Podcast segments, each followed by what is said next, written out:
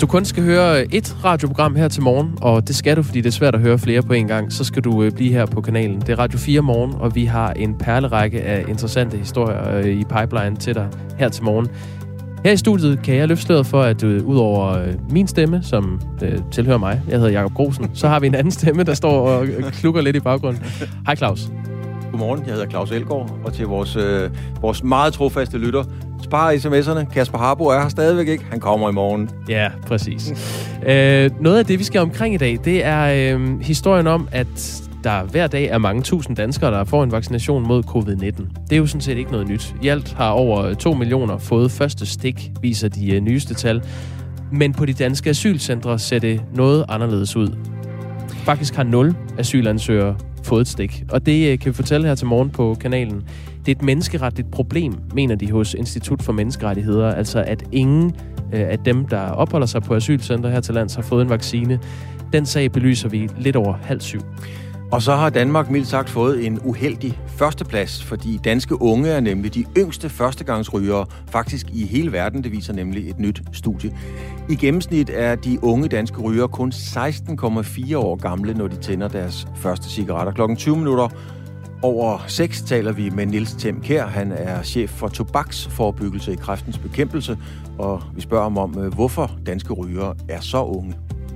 Så er der også nyt om øh, den nye Coronapass-app, der blev lanceret lige før weekenden øh, på et øh, halsløjt pressemøde i Københavns øh, Lufthavn. Den er for nem at snyde med, øh, mener en øh, sikkerhedsekspert, som vi skal tale med. Det bliver først 20 minutter over 8, men øh, jeg har lyst til at tease for den nu, fordi det er så interessant. Øh, han Peter Kruse hedder han, sikkerhedseksperten, er i løbet af weekenden stødt på en øh, håndfuld tilfælde, hvor brugere sælger gyldige QR-koder fra den her Coronapass-app, som er udviklet af Netcompany, der også har lavet Aula-appen.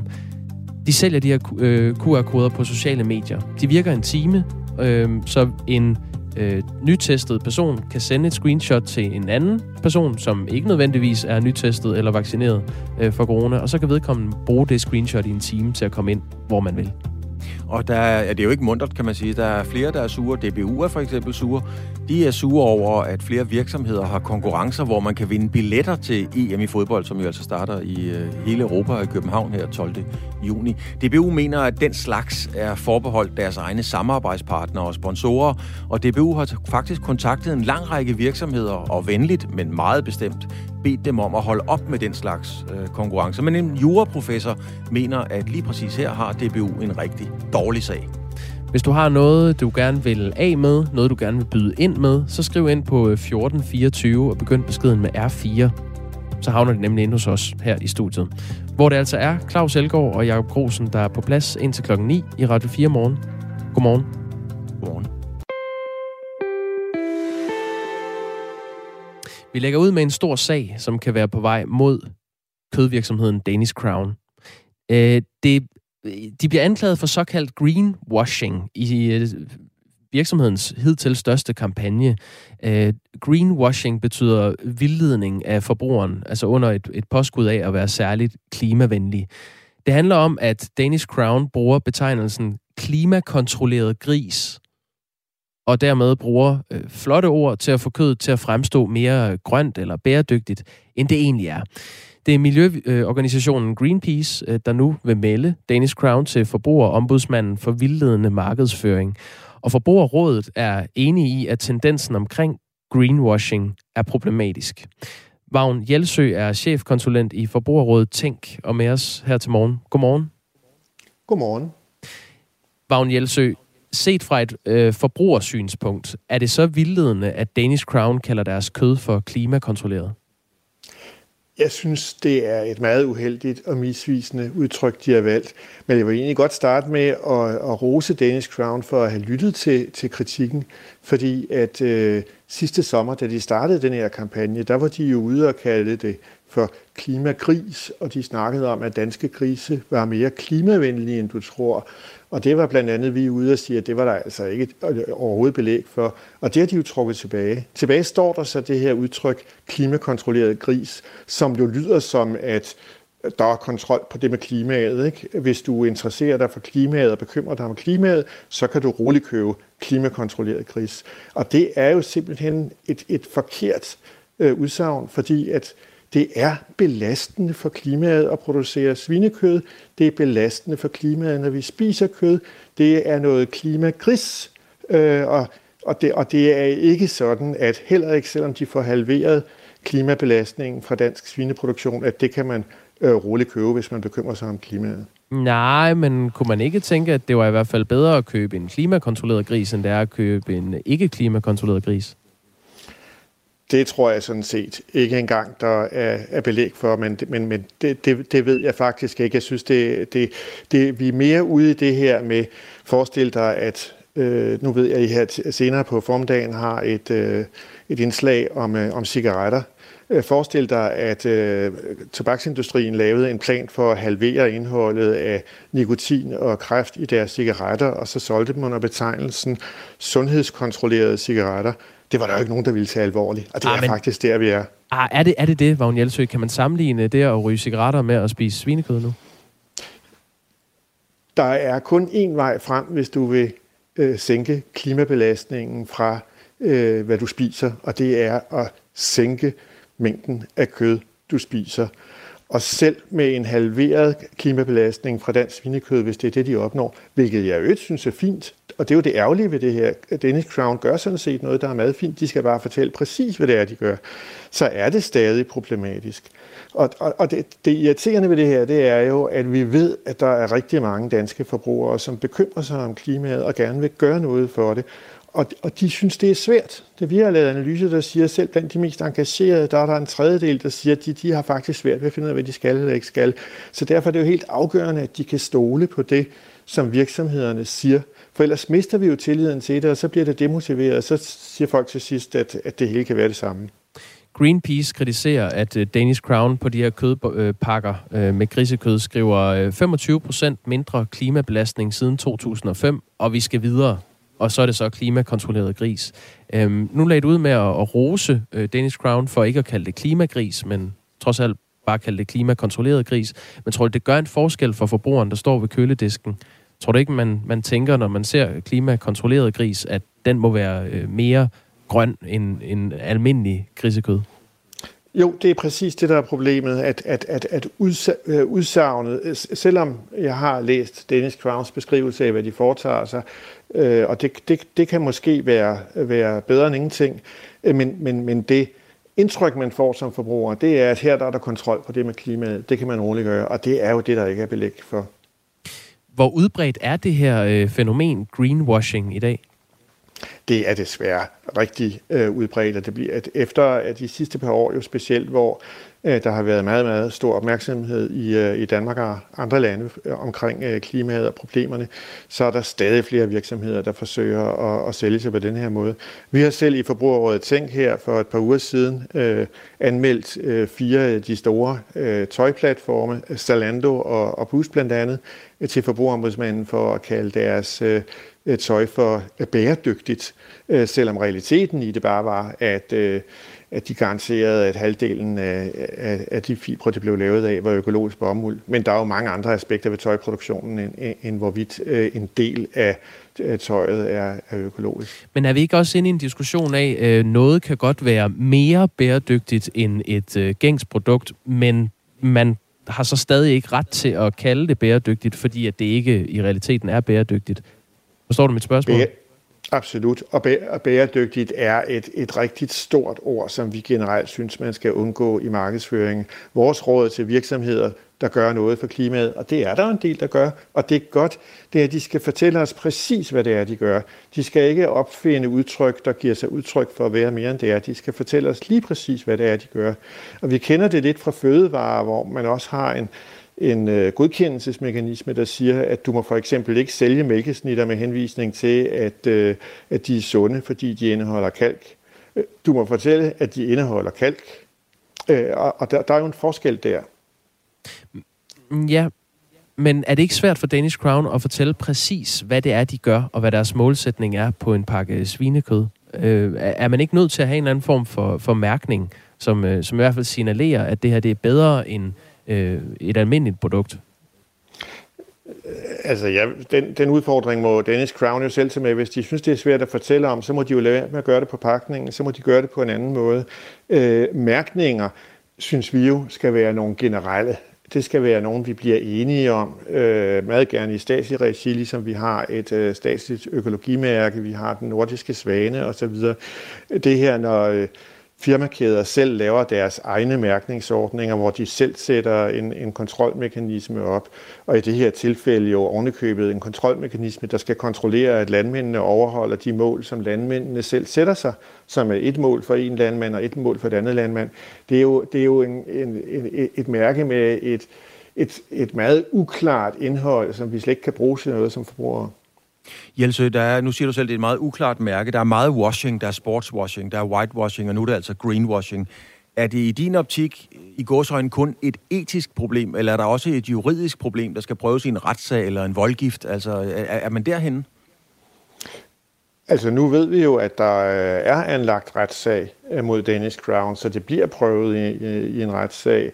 Øh, vi har jo hidtil sagt, at vi vil hellere i dialog med Danish Crown og, og de andre virksomheder, men jeg synes, det er fint, at, at det bliver prøvet, hvor grænserne går, fordi at der er også brug for, at vi bliver meget skarpe på, på det her område, og også at der kommer nogle, øh, nogle bøder ind, som kan mærkes på det her område. Vi har brug for meget mere opmærksomhed omkring at øh, holde virksomheden i ørerne. Danish Crown øh, afviser jo selv øh, kritikken og siger, at, øh, at det her det er et, et klimakontrolleret produkt i, øh, i deres øh, egen optik. Problemet er så, at det ligner en, en officiel ordning, øh, som, som I ser det i Forbrugerrådet Tænk det er en del af problemet, men hovedproblemet er jo selve udtrykket klimakontrolleret gris, som, som simpelthen giver et forkert indtryk øh, til forbrugerne. Øh, det andet, det er så øh, de her selvbestaltede mærker for, for de enkelte virksomheder. Det er ikke vejen frem. Vejen frem er, at vi bliver enige om nogle klare kriterier for, øh, hvordan vi bruger udtrykkene på en måde, der stemmer overens med den måde, almindelige forbrugere oplever det på. Hvad kommer I til at gøre fremadrettet i den her sag? I, øh, I denne her sag, der kører jo øh, dels både anmeldelse til forbrugerombudsmanden, og, og dels kører der en retssag. Så, så lige præcis her, øh, der, der er der nok ikke behov for, at vi aktuelt gør mere. Vi har faktisk holdt øh, ikke bare et, men to møder med, med Danish Crown sidste år, og, og diskuteret det her med dem, øh, og, og, og sagt, at vi synes, det var kritisabelt, det de gjorde. Og det er jo så det, der har affødt, at, øh, at, at de i hvert fald har bakket en lille bitte smule baglæns. Øh, så, så, så det er den vej frem, vi går. Men derudover så vil vi øh, fortsat arbejde med at øh, anmelde virksomheder til forbrugerombudsmanden, når de overtræder de her regler. Kommunikationsdirektøren for Danish Crown kommer i studiet her om en lille time. Det bliver lidt over syv. Vi vil sige tak til dig, Vagn Hjalsø. Velbekomme. Altså chefkonsulent i Forbrugerrådet Tænk. Øhm, ja, som jo for nogle uger siden så også har, har anmeldt andre, øh, øh, nogle store tøjplatforme, blandt andet som, øh, som Zalando og Boost til forbrugerombudsmanden for det her greenwashing. Vi får sms'er, øh, Claus, blandt andet den her fra Ina, der lytter med fra Valby og skriver om, øh, Godmorgen, angående Danish Crown, så behøver vi jo ikke æde alt det kød hver dag. Bæredygtigt eller ej? Ja, så er der kommet en fra Rune, der skriver, bliver Vagn, det er så Vagn Jelsø, bliver Vagn ikke politisk nu? Det vil ikke hans opgave. Øhm, hvorfor tror alle græsrodsbevægelser, at de er folkets repræsentanter og opdragere? De er fulde af idealisme og meget lidt realisme, er synspunktet fra Henrik, der lytter med fra Albertslund. Og så har vi den her, hvor der står, nu har vi fjernet mink. Fjern også grise og kør, så kan de hellige gå i graven med god samvittighed. Det er øh, sagt gang på gang, de grise vil jo bare blive lavet i andre lande med større klimabelastning. Og så er der også en her, der siger, øh, jeg spiser alt det kød, jeg vil. Øh, det vil være rart, hvis der kunne stå medicinfri kød. Jamen, øh, bon appetit. Klokken er 20 minutter over 6.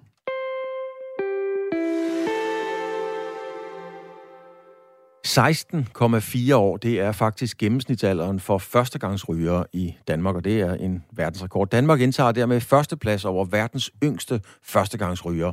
Det viser nemlig nye studier, der er publiceret i The Lancet Public Health, og det skriver videnskab.dk. Globalt er gennemsnitsalderen for førstegangsrygere 19 år. I Danmark er den altså 16,4 år. Godmorgen til dig, Niels Semkær. Du er chef for tobaksforebyggelse i kræftens bekæmpelse. Er du overrasket over den danske førsteplads? Ja, godmorgen. Ja, det er jeg. Altså, jeg synes, det der tal med 16,4 år, det lyder egentlig meget øh, i retning af, hvad jeg har forventet. Men jeg er meget overrasket over, at vi, øh, vi ligefrem frem har verdensrekorden. Altså, øh, det synes jeg i høj grad er pinligt. Hvad er årsagen? Altså, jeg mener, der er jo masser af kampagner og så videre. Hvad er årsagen til, at Danmark har øh, verdens yngste førstegangsryger? Jeg tror, at hovedårsagen har været, at vi i en, måske en 10-årig periode har lavet stå til, og den der rygelov fra 2007, som blandt andet betød, at man ikke kunne ryge indendørs, og øh, for eksempel i togene, øh, det blev nok lidt en sovepude. Der var cirka 10 år, hvor der ikke rigtig skete noget. Øh, kampagner er en ting, men det, som virkelig rykker, det er sådan det, vi kalder for strukturelle forandringer. Altså det, at man, man indfører højere pris og, og for eksempel flytter røgen udenfor.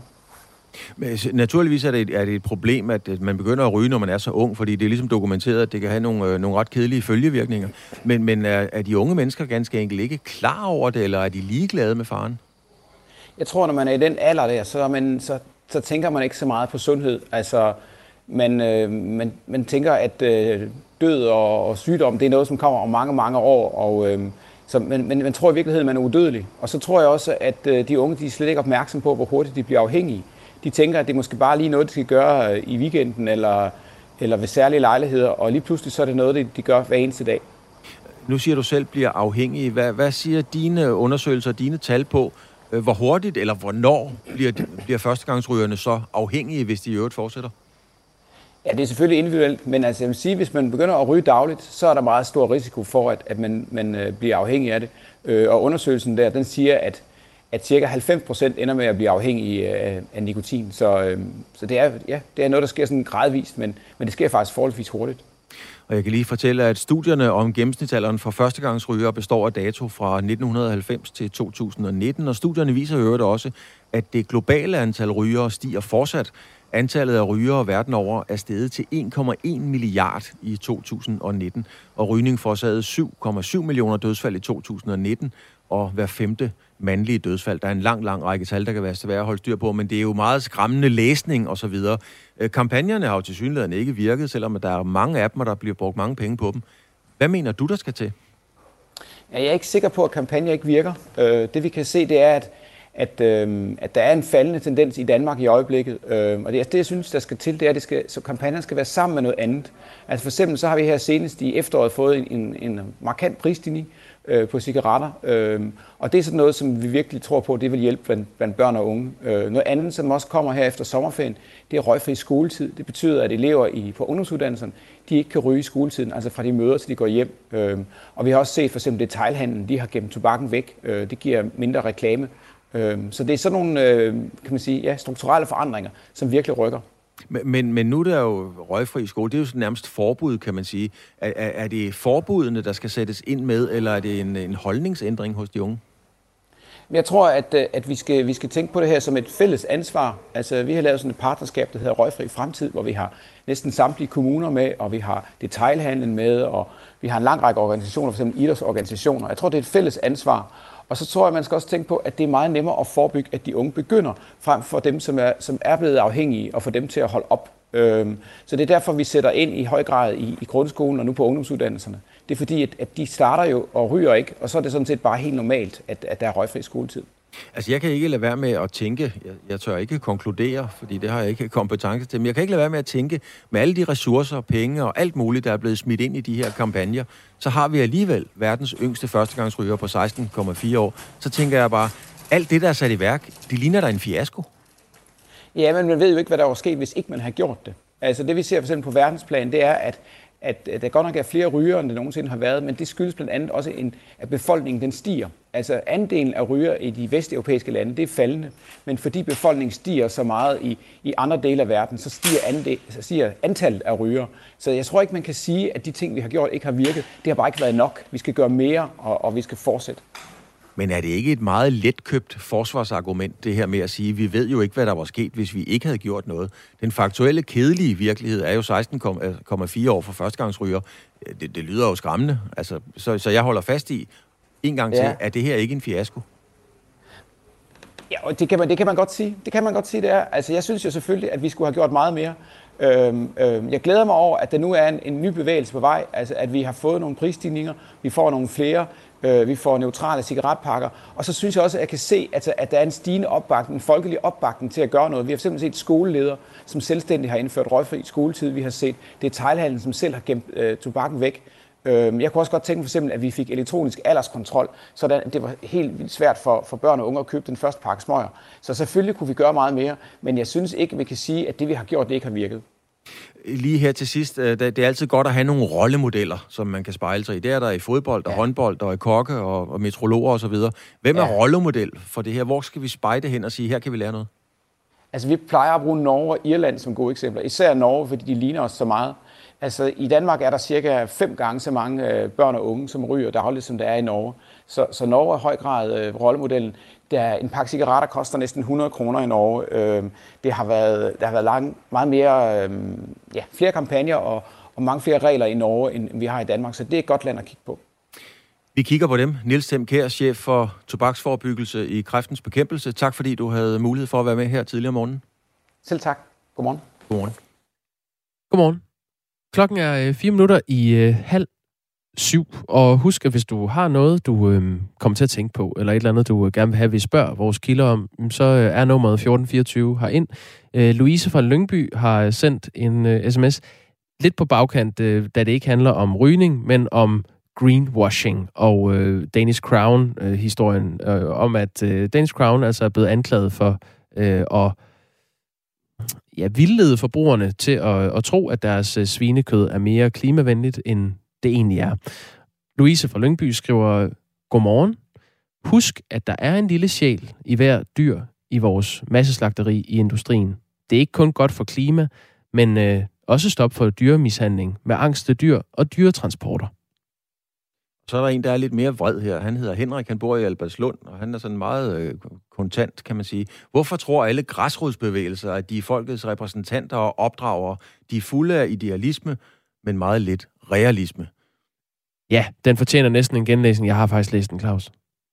Den, er, det, den er hård, ikke? Jo, den er, den er hård nok. Den, den, øh, det er fint. Du har den, læst der var den, igen. Jeg har læst den højt, ja. Jamen, jeg kan godt fortælle dig, jeg var lige væk et øjeblik, fordi jeg stod og kiggede ud over Banegårdspladsen her i, øh, i Aarhus, og jeg synes simpelthen, det er så smukt. Gaden nede under os, vi ligger jo lige i hjertet af Aarhus, det er pulserende pacemaker øh, i Danmarks næststørste by.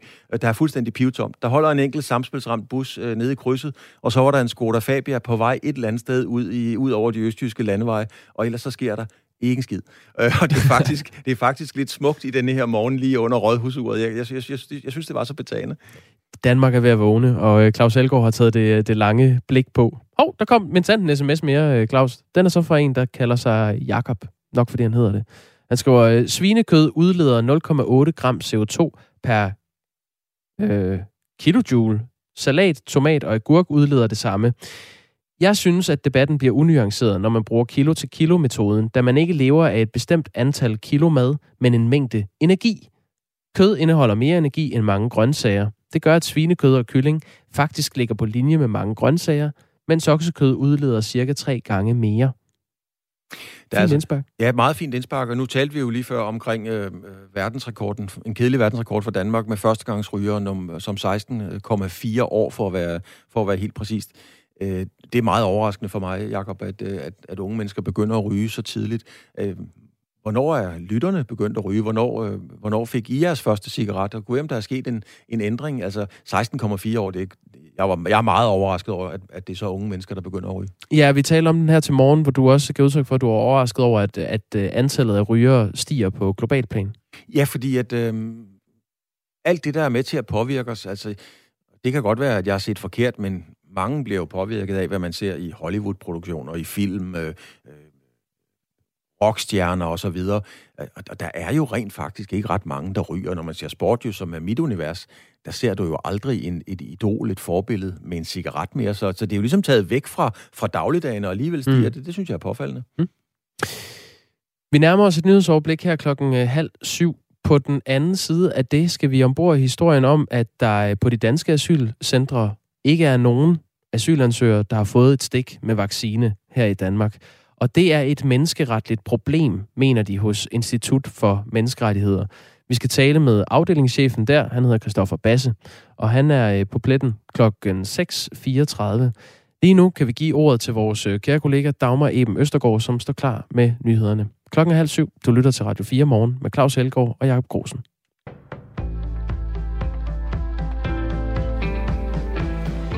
Og vi starter nyhederne, hvor i slap for ingen af de omkring 1900 beboere på de danske asylcentre er blevet vaccineret mod corona.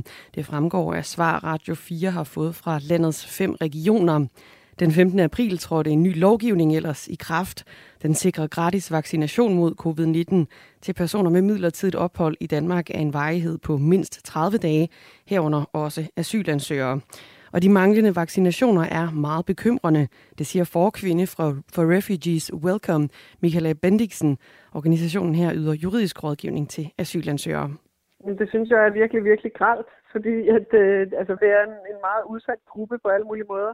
Både i forhold til deres levevilkår, deres bolig, altså den måde, det er at bo på et asylcenter, og så også fordi de er en særlig udsat gruppe simpelthen. Øh, de har et dårligere helbred end den danske befolkning øh, i gennemsnit i det danske samfund, altså uden for asylcentrene, der har over 2 millioner borgere fået første vaccinestik mod covid-19, og det svarer til næsten 40 procent af befolkningen, viser tal fra Statens Serum Institut. Der er ingen tvivl om, at det eneste rigtige er at give dem den vaccination øh, på, på, på samme vilkår som den danske befolkning.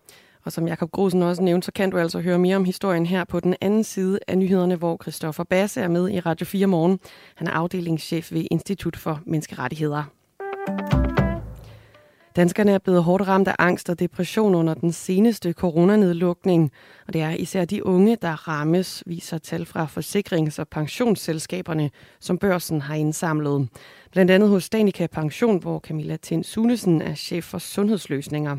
Der er ingen tvivl om, at nedlukningen har påvirket danskernes mentale sundhed, og vi har set hen over øh, en nedlukning her, en markant stigning af vores kunders brug af psykologhjælp, både fra en klassisk psykologhjælp og øh, online psykolog. Ifølge Camilla Tinsunesen var det tidligere stress, der fyldte hos Danica Pension. Hos forsikringsselskabet Gensidig udgør andelen af sager med angst og depression 44 procent af alle psykologsager, selskabet indtil videre har haft i år. Og i 2019, altså før corona, der udgjorde de 31 procent, skriver børsen. Også forsikringsselskaberne Tryg og Top Danmark mærker tendensen. Hos Top Danmark er der registreret en stigning på 25 procent i sager med angst eller depression i forhold til sidste år. EU-parlamentet og EU-landenes regeringer er nået til enighed om en aftale, der vil tvinge multinationale selskaber til at offentliggøre deres skatteforhold, skriver nyhedsbyrået Reuters. Specifikt vil større internationale selskaber med en årlig omsætning på 750 millioner euro fra 2023 blive tvunget til at oplyse, hvor meget skat de betaler i EU's 27 medlemslande, og hvor meget de betaler i lande på EU's sorte liste over skattely. Selskaberne vil også blive pålagt at dele oplysninger om deres indtjening og antallet af ansatte i EU og andre lande på deres hjemmesider. Forsøget på at få en aftale på området her er i stand, han har stået, på, har stået i stampe, hedder det, siden 2016, og aftalen er en del af EU's forsøg på at bekæmpe skatteunddragelse af store internationale virksomheder. Men flere organisationer de kritiserer aftalen for ikke at være vidtgående nok. Flere er utilfredse med, at multinationale selskaber kun vil blive tvunget til at dele detaljerede skatteoplysninger fra EU og fra lande på EU's sorte liste over skattely, men altså ikke fra resten af verden. Det bliver med byer især mod vest, som også kan komme med en omgang torden, eller så er det periodevis sol, og der kommer mest sol mod øst. Temperaturerne lander mellem 15 og 20 grader, og vinden den bliver lidt til frisk. Det var slut på nyhederne her på Radio 4.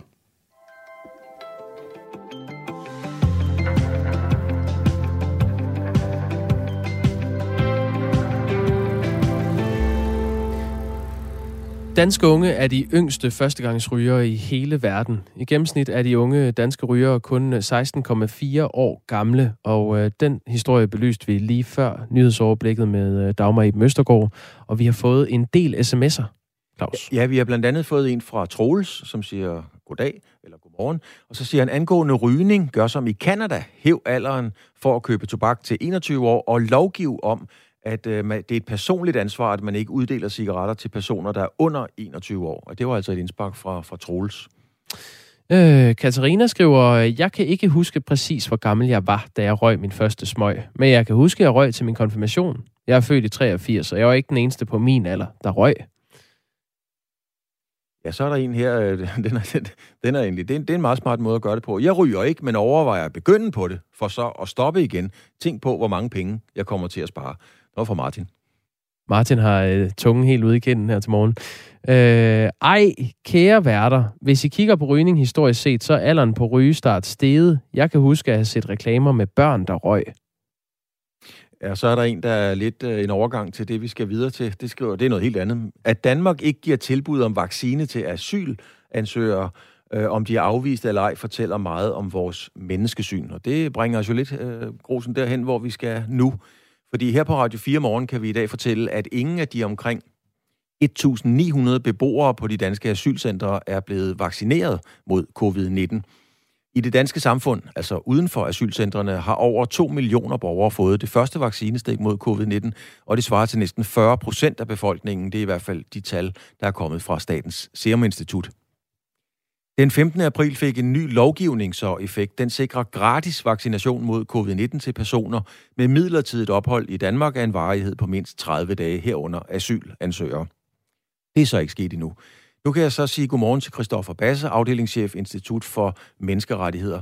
Christoffer Basse, hvad er problemet, godmorgen. og hvorfor er det her et problem?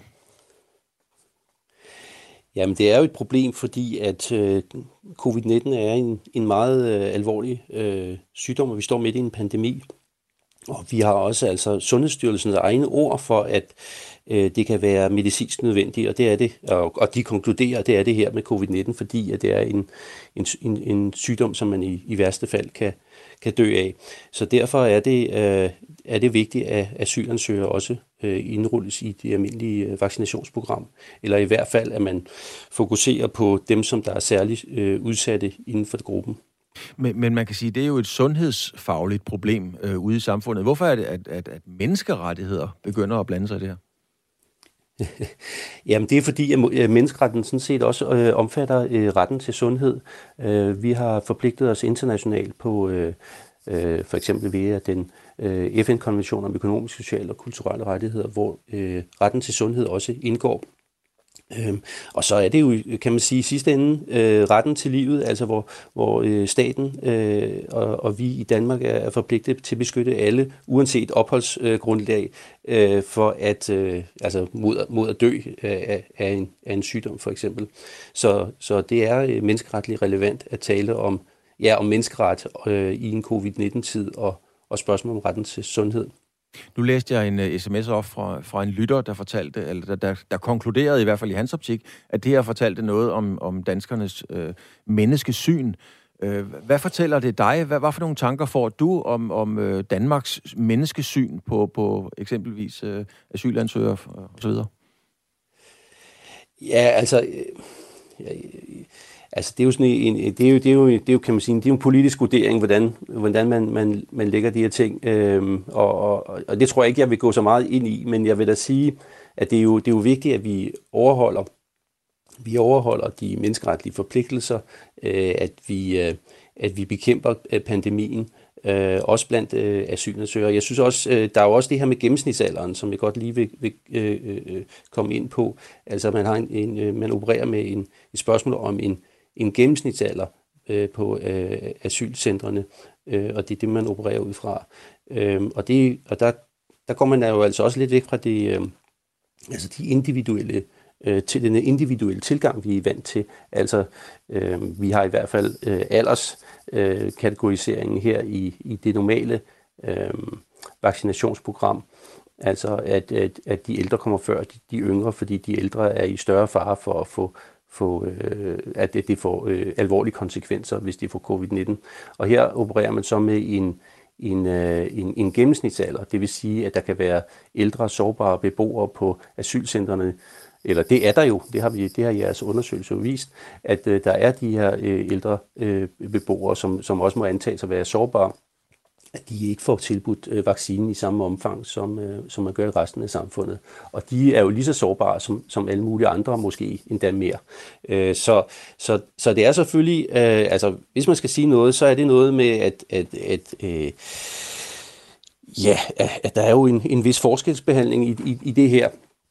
Det er, det, det, det er nu ikke helt, øh, altså det, det er, giver menneskeretten også, trods alt en, en, en mulighed for, men der er også nogle mindste, øh, mindste krav i menneskeretten, øh, så, og dem skal man altså øh, også overholde. Og når det er en alvorlig sygdom, så skal man øh, tilbyde det her også på et, øh, et, en, mere, en, en mere individuel vurdering, snarere end en gennemsnitsgrænse, øh, som, som virker lidt øh, arbitrært, øh, altså vilkårligt sat. Der gælder normalt øh, andre sundhedsmæssige rettigheder for asylansøgere end for danske statsborgere. Altså eksempelvis så anses de offentlige vaccinationsprogrammer normalt ikke som nødvendige for øh, sundhedsmæssig ydelse. Altså voksne, de bliver eksempelvis ikke tilbudt øh, øh, mm. en influenza-vaccine, for at tage et helt konkret eksempel. Øh, hvorfor er der andre regler, ja. når, når vi taler covid-19? Altså jeg mener, vi mangler vacciner, der er rigtig mange, der gerne vil have det. Altså nogen skal jo ja. stå bagerst i køen. Det kan jo ikke være anderledes. Hvorfor er der andre regler, når vi taler covid-19? Øh, fordi at covid-19 er, øh, altså det er vurderet som en, og det, altså det er en alvorlig øh, øh, sygdom, og det vil sige, at vores egen sundhedsstyrelse har, har faktisk sagt, at vaccination i særlige tilfælde, for eksempel under en pandemi, kan anses for at være medicinsk nødvendig. Og medicinsk nødvendig, det betyder altså, at det er en alvorlig, at det er vurderet som en alvorlig øh, situation, og, øh, og det er altså ikke øh, en almindelig influenza, vi taler om. Så der er nogle andre konsekvenser, hvis man undlader at vaccinere. Og derfor de almindelige regler om, kan man sige, vaccinationsprogrammet, hvor man ikke, hvor man ikke tilbyder det almindelige vaccinationsprogram for asylansøgere, det, det, det er altså, det er, der, der gør man en undtagelse her, fordi det er en alvorlig, alvorlig sygdom. Så det er den, den forebyggende del, øh, det forebyggende og behandle, øh, som også er en del af menneskeretten, hvor man skal forebygge og behandle i epidemiske sygdomme det, øh, det har altså øh, Sundhedsstyrelsen altså øh, anerkendt det behov, så, så derfor er det lidt mærkværdigt, at man har den her, øh, den her regel på, på 50 år som, som gennemsnit på, på centrene, før man begynder at foretage sig noget. Og det resulterer jo selvfølgelig i, at, at de her øh, ældre beboere, de ikke er blevet vaccineret nu. Og det, er jo, det, er jo en, det kan jo vise sig at være en alvorlig situation for dem. Christoffer Basse, øh, afdelingschef på Institut for Menneskerettigheder. Vi har fået en, øh, et spørgsmål fra en lytter, der skriver her. Må ikke de afviste migranter nok skal blive vaccineret tidligere, end hvis de var blevet hjemme? Jo, det, det er givetvis, øh, det er givetvis rigtigt, men, men øh, altså, det er jo ikke sådan, vi ser på tingene øh, her, i, øh, her i Danmark. Der kigger vi på, hvad er det for nogle øh, rettigheder, som, som vi har som, som individ. Og det er jo, øh, udgangspunktet er jo, at det er uanset hvad dit opholdsgrundlag er. Nu er, vi, øh, nu er vi i Danmark, nu taler vi om Danmark, og der er, der er det Danmarks ansvar øh, at, at, at, at leve op til de internationale forpligtelser, som, som, vi har, øh, for, ja, for, som vi har forpligtet os på i FN, i Europarådet og andre steder. Øh, så derfor er det, er det jo, øh, ja, altså kan man sige, øh, standarden er, er anderledes her, end den er i resten øh, af verden, men det er ikke det, vi taler om. Vi taler om Danmarks forpligtelser. Ja, jeg, jeg stiller lige et uh, spørgsmål mere, Christoffer Bassem. Der kommer en, uh, ja. en del uh, sms'er, i hvert fald nogle stykker, som sådan giver udtryk for, at, at uh, i Danmark skal man vaccinere sin egen befolkning først. Vil du ikke lige prøve at, at give et svar på, hvorfor uh, du mener, at, uh, at det ikke er sådan? Jo, men det, det er jo virkelig lidt uh, det samme, som jeg, jeg har været inde på. Uh, du har ikke overbevist alle vores lyttere, vi skal, skal jeg sige. Nej, nej. Men vi skal, vi skal i Danmark øh, behandle folk, øh, og det er uanset deres opholdsgrundlag, øh, eller hvor de kommer fra. Vi har et ansvar for de, de øh, mennesker, som befinder sig i Danmark, og de skal, de skal tilbydes øh, den behandling, som er nødvendig, så man undgår øh, un, ja, unødvendige øh, dødsfald. Øh, og der skal man altså ikke skele til, til opholdsgrundlag, eller til øh, hudfarve, eller religion, eller noget andet det, det, det kan, altså, det kan, der kan, være, det kan i sidste ende være usagligt.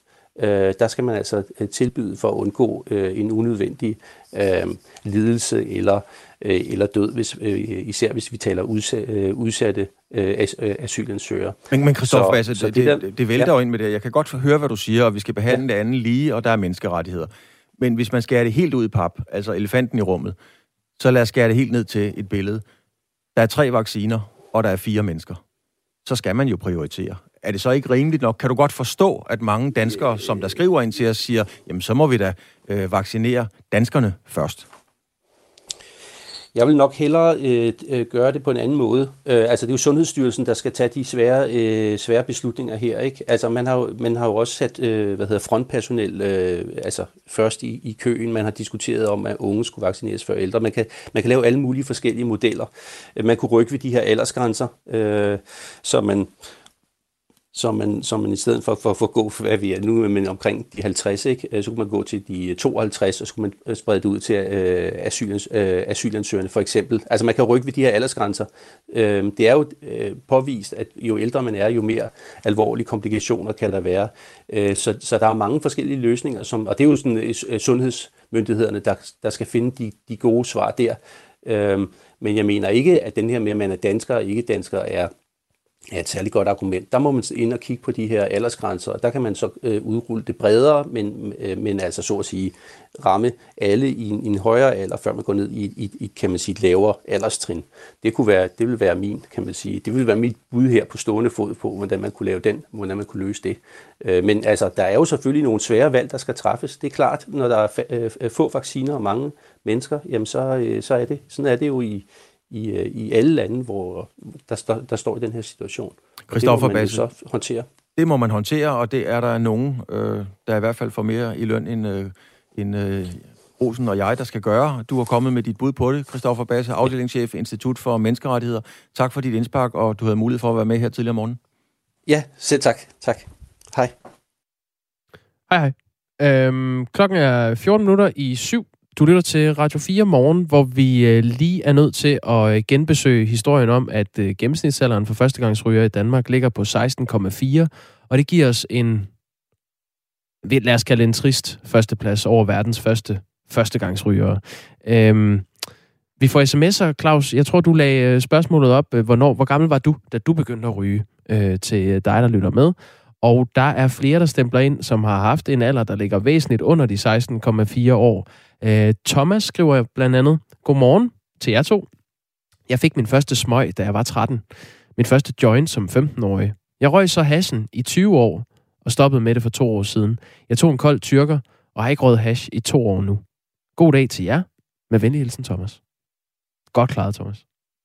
Ja, øh, så er der kommet en fra Karsten, med risiko for, at du har læst den, Grusten, men, men der står der, øh, faktisk grotesk, vi kan vinde rygealderprisen. Kan det hænge sammen med, at det er socialt betinget, og den gruppe, der altid har røget, øh, giver det videre, samtidig med, øh, giver det videre, samtidig med, at den gruppe af socialt udsatte er blevet større. Det var Karsten, der havde den, øh, skal vi sige, analyse. Øh. Ja, altså det, øh, det tror jeg ikke, der var noget, der, der pegede på her, øh, Karsten. Jeg tror mere, det simpelthen handler om, at... Øh, de unge øh, ikke har nogen øh, dødsfrygt. Øhm, Jens Bernburg skriver, Godmorgen, jeg var 11 år, da jeg begyndte, og stoppede først som 30-årig. Skulle have haft en fiskerlusing. Men det var en anden tid, og fadet med cigaretter og cerutter gik rundt, som fadet med gulerodskage gør i dag, når der var fest. Husker Jens. Øh, og lad os slutte med en fra Tine i det solrige Hirtals her til morgen. Jeg tog en af min fars grønne Cecil, da jeg var omkring 11 år. Også 11 år igen, hold op. Øh, nok mest for at lave løjer. Min far sagde så, ja ja, ryg du bare. Og det gjorde jeg, men for pokker, hvor blev jeg bare syg og dårlig. Jeg har aldrig rådet siden, så min kære far handlede helt korrekt. Rigtig god dag til jer. Og det var altså fra Tine i det solrige Hirtals. Jeg kommer til at tænke på øh, filmen Blinkende Lygter, hvor en af hovedpersonerne øh, husker tilbage på, at han som dreng bliver lukket ind i et skab med en pakke cigaretter, og så kan han ryge dem, så kan han komme ud, når han er færdig med at ryge fantastisk film, jo. Blink Vi får. Ja, det er en klassiker. Jamen, øh, tak for alle sms'er. Skriv endelig ind på 1424. Øh, begynd beskeden med R4, så havner det her hos Claus Elgaard og øh, hos mig.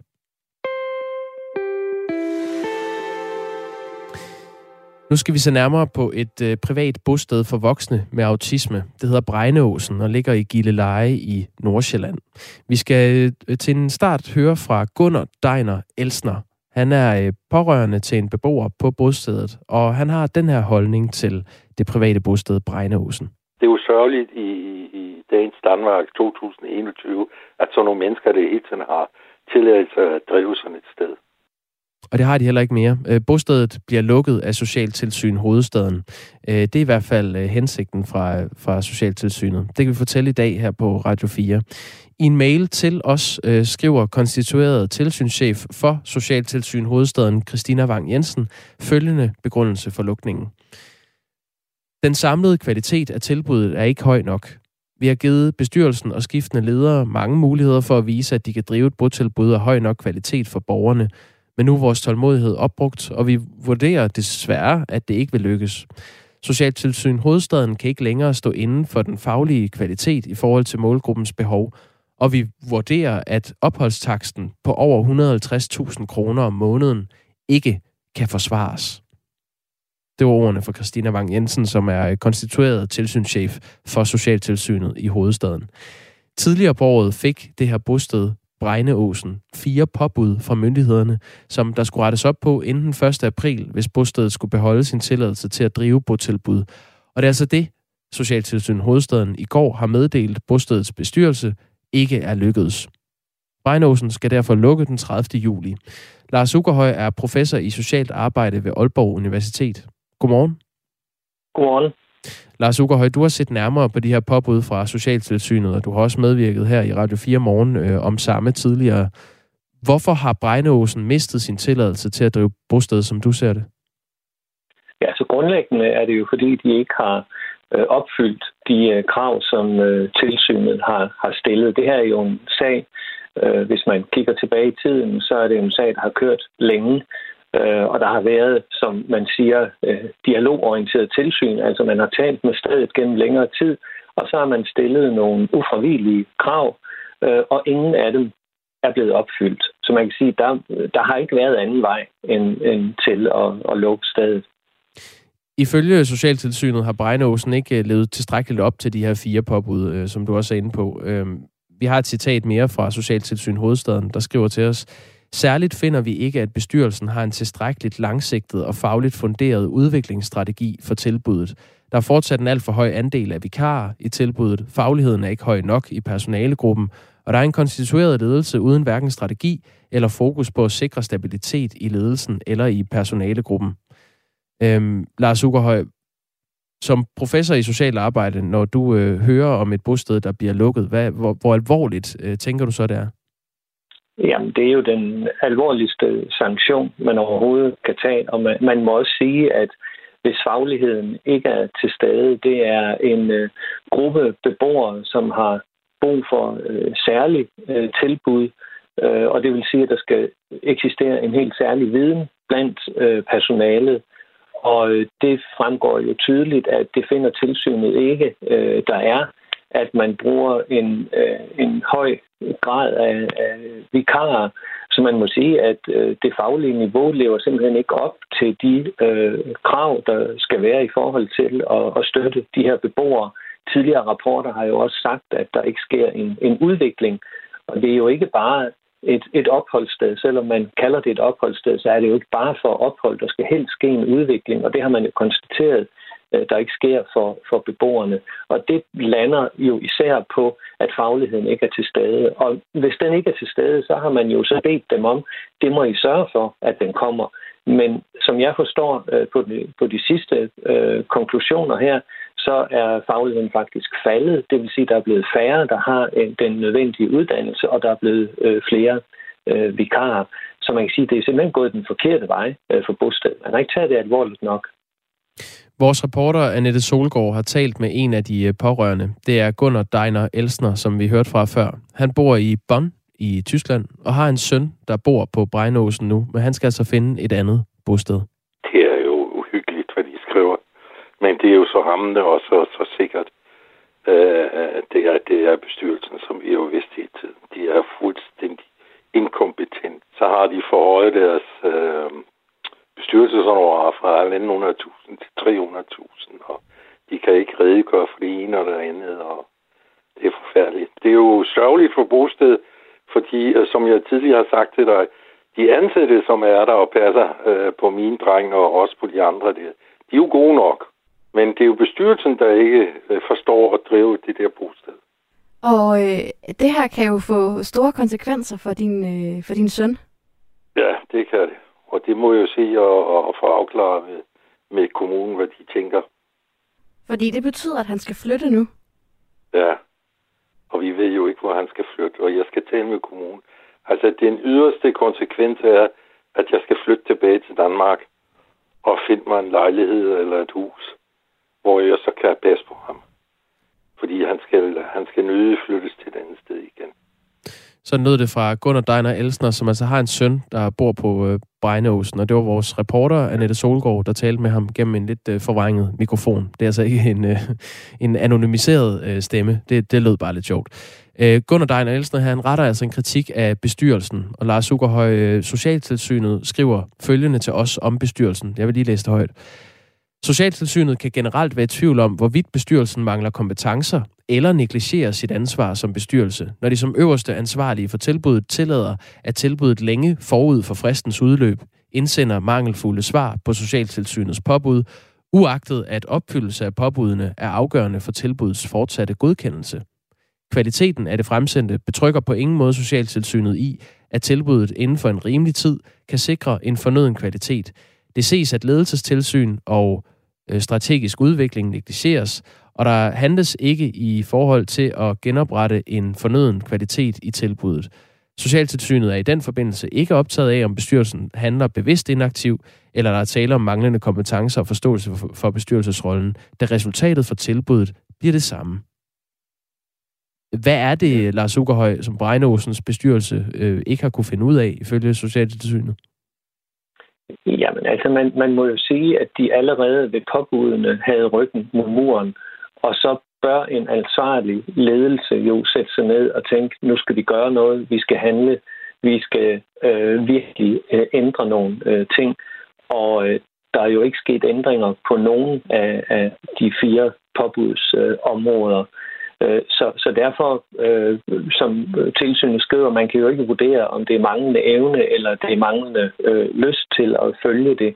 Det eneste, man kan konstatere, det er, de har ikke gjort det, og det også derfor, at, at øh, jeg kan godt forstå, at, at øh, den pårørende her siger, at det ikke er personale, der er noget galt med. Nej, det kan man ikke sige. De kan jo ikke gøre for, at de ikke er nok uddannet, øh, og de er går jeg ud fra venlige og søde over for beboerne, men det er jo bestyrelsen, der skal sikre, at der er den øh, høje faglighed, øh, der er øh, behov for. Og når man ikke ændrer noget med den lange historie, øh, det her, den her problematik har haft, så må man også på et tidspunkt sætte en streg. Selvom jeg er fuldstændig enig med den pårørende i, at det er, øh, det er virkelig en, en øh, vanskelig situation at sætte beboerne og de pårørende i, det er jo beboere, øh, som har, øh, øh, som er autister eller findes inden for det øh, spektrum, og det vil sige, at alle ændringer af, af hverdagen er store, øh, er udfordrende og problematisk for dem. Så den her beslutning, som man kan sige, det er den eneste rimelige beslutning, øh, tilsynet har truffet, men det er ganske alvorligt for de beboere, som nu pludselig skal ud i helt nye øh, sammenhænge. Spørgsmålet er jo, om øh, de skal det lige nu. Øh, hvis Brejnåsens bestyrelse vælger at klage, så kan der jo godt øh, gå en rum tid, før der, der bliver truffet en endelig afgørelse. Men hvad er det, du forventer, der kommer til at ske med de beboere, der bor på Brejnåsen lige nu? Ja, altså, hvis jeg var øh, i en kommune, som havde købt en plads på øh, det her sted, så vil jeg sørge for øjeblikkeligt at træffe beslutning om, at beboerne skal trækkes hjem og, og øh, placeres nogle andre steder eller indskrives nogle, nogle andre steder. Øh, fordi øh, med den historie, der er, så kunne jeg godt frygte, selvom jeg stærkt må opfordre til, at bestyrelsen accepterer øh, den her øh, lukning. Men jeg kunne godt frygte, at man bare fortsætter og prøver at, at anvende en klage til at kunne øh, fortsætte. Og dermed vil beboerne altså skulle være i de samme forhold så skal der ske et skift, og det er ganske alvorligt, men det skift, altså problemet ligger jo hos bestyrelsen og ledelsen. Mm. Det er ikke socialtilsynet. Det er deres opgave, og de kan sammenligne med andre steder, så det er deres opgave at komme med den her beslutning, men, men øh, øh, som får nogle alvorlige konsekvenser. Men det må nu være kommunerne, der træffer en beslutning. Lars Ugerhøj, tak fordi du var med. Velkommen. Professor i social arbejde ved Aalborg Universitet. Brejnåsens bestyrelse har ikke ville stille op til et interview her til morgen, men har sendt os den her skriftlige kommentar. Som bestyrelse er vi ikke enige i Socialtilsynets afgørelse, og således heller ikke enige i magistratens beslutning, end sige i de vurderinger, der ligger til grund for den. Derfor påtænker vi at påklage afgørelsen til Ankestyrelsen. Det håber vi naturligvis, I tager med i jeres historie. Vi er desuden bekendt med, at alle de pårørende er glade for stedet og dets faglige praksis, og de visiterede borgere både trives og er i udvikling. Så lyder det fra Kim Rasmussen, som er bestyrelsesformand for bostedet Brejnåsen. Lige nu er klokken blevet syv. Du lytter til Radio 4 morgen.